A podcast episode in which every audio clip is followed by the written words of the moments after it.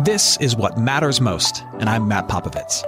Look, life is crazier than ever, and lots of people, maybe even you, are feeling anxious and overwhelmed. Today's message is designed to help you figure out what's most important and to experience the peace and joy that God intends for you. Because life is a gift, and it shouldn't be wasted on worry. I'd like to give you a resource, something to help you navigate the road ahead. Just go to mattpopovits.com, click on the icon, and we'll send it to you. That's Matt, P-O-P-O-V-I-T-S dot com. And hey, if you happen to live in the Houston area, I'd love to see you on a Sunday morning at St. Mark in Spring Branch. Head to stmarkhouston.org to plan your visit. Here's today's message. Thanks for listening. So, the world is filled with those people. You know what I'm talking about. They're difficult people. They come in all different shapes and sizes and forms. They, they, range from the relatively mundane, difficult person, the person who, who chews their food in an annoying way, to the outright evil, difficult person who takes pleasure in the pain of others. And the question is, what do you do with difficult people? Because difficult people will always be in your life. It's one of the rules of life. When you gather human beings together, they will butt heads and there will be issues. There will be difficulty involved for somebody. When you're talking about the people gathered at home, at work, at church, wherever it is, there will be difficulty. So, what do you do with the difficult people around you? Uh, you might be married to a really difficult person. You may be otherwise related to a really difficult person. You might work with a difficult person. What do you do with that difficult person? You can't just take all the problematic people and put them on an island somewhere.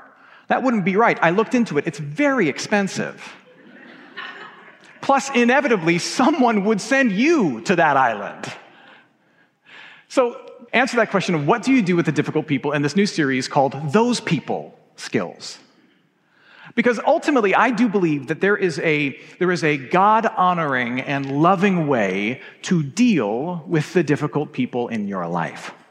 But not only is there, is there practical import for us in this conversation, uh, it's spiritually important for us as well, because as we, as we look at the difficult people around us and how we can love them and deal with them, ultimately it forces us to be honest about the brokenness and difficulty that exists inside of us. And it's an opportunity for us to be reminded that Jesus loves us without fail, despite our difficulty and the brokenness that we let bleed into the lives around us. We're going to talk about those negative people. Those negative people. And negative people come in various forms. For example, you have the whiner. The whiner is the negative person who is never, ever pleased with anything. They're never comfortable, they're never content, they're always like filing a complaint, they're sending their food back, or they have something to whine about. That's why you call them the whiner. And then there's the nitpicker. The nitpicker is related to the whiner, but it's different. Rather than see themselves constantly as the victim like the whiner does, the nitpicker sees you as the problem. They point out all the issues they see in your life, they point out all the problems that they see in your life, and they tell you how to fix your life. Another name for the nitpicker is mother in law. That's the other technical term for this. then there's the instigator. The instigator is the person who wants to go from zero to I can't take it anymore in three seconds flat. They're always escalating the intensity of the conversation or slamming the doors and quick to get into an argument. And then lastly, another kind of uh, negative person is the downer. This is Eeyore from Winnie the Pooh. No matter what's going on, they see the dark side of the equation. D- do you have some negative people in your life? Don't point at anybody in the room. The answer is probably yes. Now, here's what we need to remember about all types of difficult people, not just the negative people, but all types of difficult people, including ourselves. What the scriptures teach us is that when one person is doing something that hurts or harms another person, be it through their negativity or something else, what you have is not simply a, a bad habit that they're putting on display, but what you're seeing is part of their deeper brokenness leaking out in their words and their actions. That's an important point that Jesus makes. That when people are doing things that, that hurt and harm other people, it's a sign of a deeper spiritual dysfunction that's going on in them, but also not anything that you're immune from yourself. So listen to what Jesus says in Luke chapter 6, starting at verse 45. Jesus says, the good person out of the good treasure of his heart produces good, and the evil person out of his evil treasure produces evil. For out of the abundance of the heart, his mouth speaks. So, what's happening out here and out here is a, is a reflection of what's ultimately happening in here. It's not just a bad habit, it's part of a deeper spiritual struggle. And I say that for two reasons. Number one, so that you can have some empathy. This person who is difficult to deal with is broken, like you are broken. But I say this also so that you can be realistic. This person has a deeper spiritual struggle that, that you can't fix, and that they ultimately can't just stop doing. Our deep brokenness ultimately needs to be taken to Jesus. It needs to be confessed for what it is a deeper spiritual brokenness. It needs to be repented of, turned away from, and then offered to Jesus, whose forgiveness for that brokenness and whose truth shining on that brokenness is, is really the only cure and hope for that brokenness. And, and you can't bring about the fix for this person. You, you can love them towards the fix. You need to take that to Jesus. Take your negativity to Jesus. You need a lot of the Lord. you can love them towards that. You can encourage them towards that. You can pray them towards that, but you cannot do that for them. Part of our big struggle with negative or difficult people is that sometimes they refuse to take ownership over their own issues. And they're constantly making it our problem. But we can't fix them. Can't fix ourselves. Only Jesus can. Now, that being said, how do we manage the difficulty of other people, in particular, the negativity of others?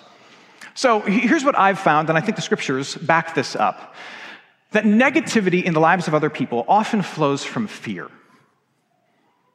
The extreme negativity in the people around you often flows from fear.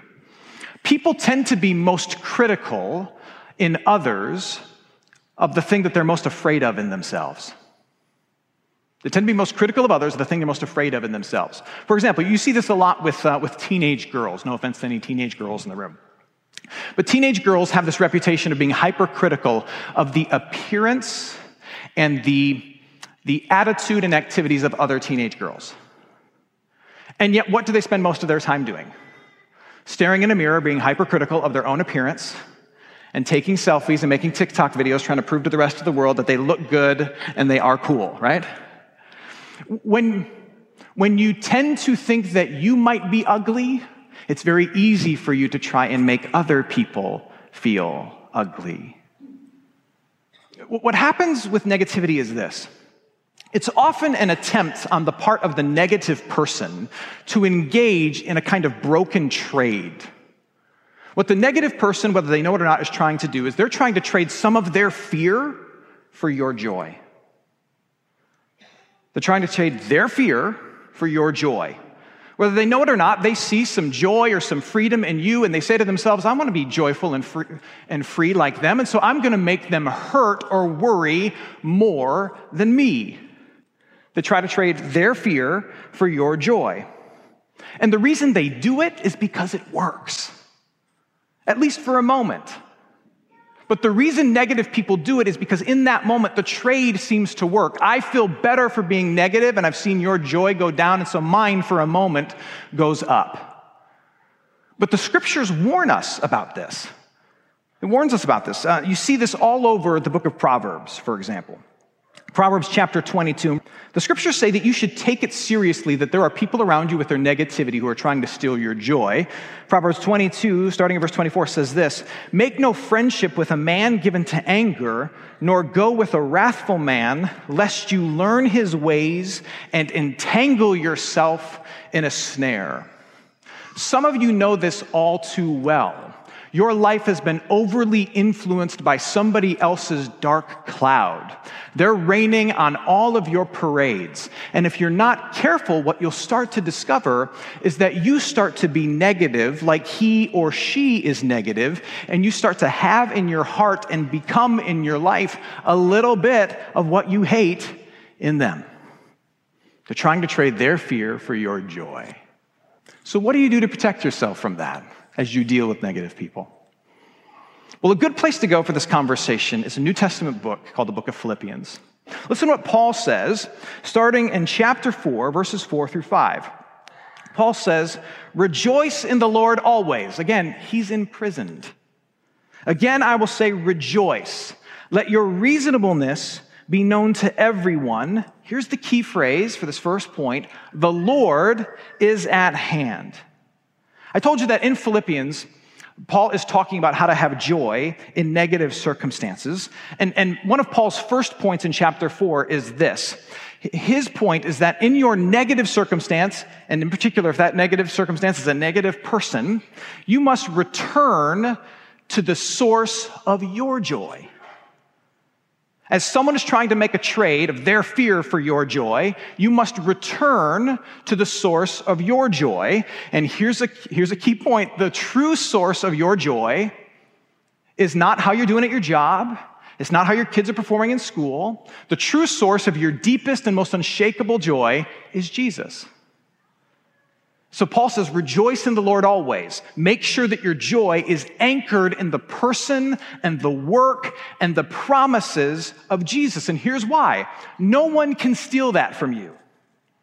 There is nothing anyone can do to you that will kick Jesus off of his throne. Nothing. There is nothing that anyone can say to you that will undo all the promises of God that are true for you in Jesus.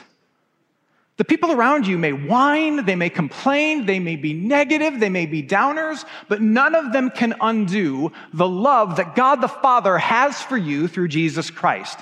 And so Paul says, in the midst of a negative circumstance, or in our case, a negative person, you have to anchor your joy to Jesus because he can't be shaken and he can't be stolen because the negative person is going to shake and steal everything else. So anchor your joy to the truth of who Jesus is. Rejoice in the Lord always. If you, like me, find yourself unduly undone by the negativity of other people, it is a good sign that your joy is tied to something other than Jesus. That your joy is tied to something that's ultimately really stealable and shakable. And the prescription for that is is to take some time and to take a season of asking yourself a tough question where is my joy ultimately anchored? And to refocus and to relearn and to reacquaint yourself with the love that the Father in heaven has for you through Jesus Christ that no one and not a thing can ever, ever take from you. The best defense against someone else's brokenness is your own wholeness in Jesus Christ. Let me say that again. The best defense against someone else's brokenness is your own wholeness in Jesus Christ. I hope you're enjoying today's message. For more of what matters most, you can head to mattpopovits.com. There you'll find other messages. You can support this ministry as well as access your free gift. Oh, and if you're looking for a local church and you live in Houston, come and see what's happening at St. Mark Houston. To plan your visit, head to stmarkhouston.org. Thanks for listening, and back to today's message. Paul continues. He gives us another point here. Philippians chapter 4, verses 6 through 7. He says, Do not be anxious about anything, but in everything, by prayer and supplication with thanksgiving, let your requests be made known to God. And the peace of God, which surpasses all understanding, will guard your hearts and minds in Christ Jesus. Surrounded by negativity, it is really easy for you to become negative and nasty. And so Paul gives us another pointer here. Not only should we, should we refocus on the joy that can't be stolen in Jesus Christ, he, he makes a point here in saying that you should refuse to replicate some of the unhealth around you. Part of what makes negative people so toxic is that they're taking all of their inner brokenness and they're spewing it on other people around them. But here's what the people of God, the people of Jesus, are called to do. We have inner brokenness too. We have a ton of it. We have, we have no less than anybody else. But what followers of Jesus are called to do is to take our stuff, our issues on the inside, and we cast them not on our friends and our family or our coworkers. We choose to cast them upon Jesus. We deal with it, we express it, we vocalize it, we, we examine it, but we, we throw it on Him rather than on the people around us the best we can. We, we do that because we know Jesus can help us with it. He can forgive it, He can speak His truth to it, but also because Jesus, unlike your friends and your family, He can actually handle your brokenness and your nastiness. If you end up spewing your brokenness and nastiness on other people, you become the thing that you hate. And again, the book of Proverbs is instructive on this point. It says, Answer not a fool according to his folly, lest you be like him yourself. If we replicate the unhealth, we become the thing we hate. You know what the greatest outlet for your fears and your pains are? And you're going to shake your head at this because it's so trite, but it's true. If you're here as a follower of Jesus, the greatest outlet for your fears and pains is prayer. Now, maybe you grew up thinking that prayer is your chance to impress God with your polite conversation. But it is not that. Jesus paints a picture of prayer as this moment where you are kind of crawling onto the lap of your incredibly patient parent who, who, who knows no end in his ability to endure with all, all your difficulties and all of your nastiness. Prayer is this place where you can crawl upon the lap of your parent and you can throw the temper tantrum that you want to throw and you can be met with patience where you can express all your anger and all your issues and all your anxieties, and you'll be listened to and you'll be calmed down, and you will hear God saying, I love you, I hear you, I'm with you, it's going to be okay. You can be calmed down so that you can crawl off of His lap, loaded up with the promises that are still true for you, that no one else can take from you, so that you can go and play nice with other people. And so, what do we do? Rather than cast our issues and our frustrations on others, which is so tempting when somebody else is being negative to us. It's easy to just replicate it or give it right back. We refuse to replicate the unhealth. We take our frustrations and our angers, and in prayer, where we are just screaming out to God on our drive to work, whatever it takes for you, we take all of our stuff, and as Paul says in the New Testament, we cast all our cares upon Jesus. Because not only can he forgive it, he, unlike everyone else, he can actually handle it. Other people can't. Paul continues, he's got one more. Philippians chapter 4, verse 8, he says, Finally, brothers and sisters, whatever is true, whatever is honorable, honorable, whatever is just, whatever is pure, whatever is lovely, whatever is commendable, if there is any excellence, if there is anything worthy of praise, think about these things. Paul gives us one last little nugget of truth for dealing with a negative situation, or in our case, a negative person. Not only should you refocus where your joy is actually found so that it's not easily shaken or stolen, not only should you refuse to replicate the unhealth, but instead take your issues up to Jesus, not out to others,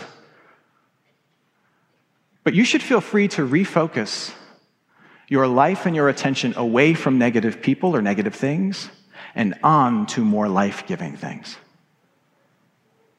For Paul, that meant, though he was imprisoned and though he was sick, working hard to make sure that his heart and his mind, and I'm sure he put in little practices in that house arrest, little practices that helped him focus on the things around him that he could be thankful for, that he could give God praise for, despite all the negativity surrounding him.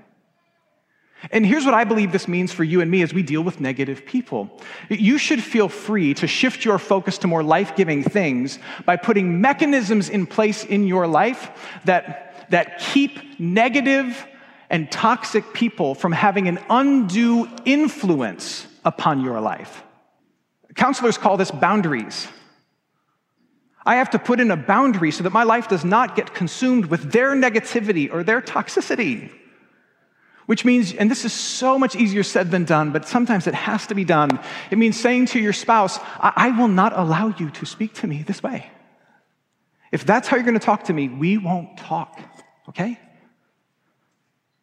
It means saying to your sister in law, I will not respond to passive aggressive or, or, abusive text messages that come out of the blue. So if that's how you're going to uh, communicate with me, we, we won't be communicating. I, I can't do it. It may mean that you have to speak to a superior or rearrange some, some habits and some practices at work so you don't have to interact with that truly toxic person in your workplace. And you might say, well, Matt, that's going to make them feel sad, or that's going to make them angrier at me, or that's going to hurt their feelings. Here's the thing their negativity isn't working for you, it's already hurting you.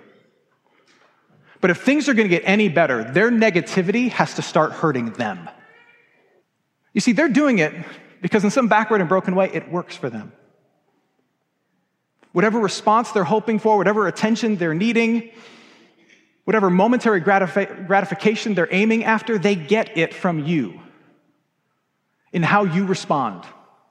It's not working for you, but it's working for them. Here's how you turn the tables and set up a positive boundary. You have to do something to change the dynamic so that their negative behavior starts to have a negative impact on them and not you. Again, the book of Proverbs says this Leave the presence of a fool, for there you do not meet words of knowledge. Maybe no one has ever told you that you don't have to just put up with someone else's damaging baggage. We are called to love others. We are. But it also doesn't mean you have to put yourself in situations where you're relentlessly hurt by others. Very often, the loving thing you can do with a toxically negative person is remove yourself from the situation so that they no longer have you as an outlet for their sinful dysfunction. And you free yourself to fix your eyes on more peaceful and joy giving and loving things. With the hope that their behavior will change so you can welcome them back in to your more peaceful and more loving and joyful existence. Refocus on where your true joy comes from so that no one can steal it or shake it. Refuse the temptation to replicate the unhealth. And then focus your eyes on things that are more life giving, by putting boundaries in place. Let me ask you this are you, are you done with some of the negativity in your life? Are you over some of the negativity that's coming into your life from others? Or, or, are you also done with, with being an agent of negativity in the lives of other people? If that's the case, then my prayer for you is that today would be a turning point for you. That you would make the decision today to say, I'm going to anchor my joy, as much as it depends on me, on Jesus and the promises he makes for me that no one else can take from me. I'm going to refuse to replicate the unhealthy dynamic that's coming to me from this person or that person. And I'm going to put whatever things in place that I need to put in place so that I can fix my eyes on things that are more joyful and more life giving. I'm going to do that. But most of all, may you be encouraged by this truth that you have a joy in Jesus Christ that no one can take from you. No one. Yes, a whiner can ruin your dinner. A nitpicker can point out your flaws. The instigator can slam some doors. And the downer can rain on your parade. But none of them can change how God the Father feels about you and how much He loves you through Jesus Christ. So they can whine. You are fine. Amen. Hey, it's Matt. I hope you enjoyed what matters most. Here's what I need you to know life is a gift, and it shouldn't be wasted on worry. I want to help you figure out what's most important and to experience the peace and joy that God intends for you. So, for more content, you can head to mattpopovits.com. That's Matt. There, you can also support this ministry as well as access your free resource, a little something to help you navigate the road ahead. I'd also love to see you on a Sunday morning. If you're in the Houston area, head to stmarkhouston.org to plan your visit. In the meantime, Hit me up on Instagram at mpopovits or at facebook.com slash Matt Popovits Ministries. Thanks for listening. Now go and hold tight to what matters most.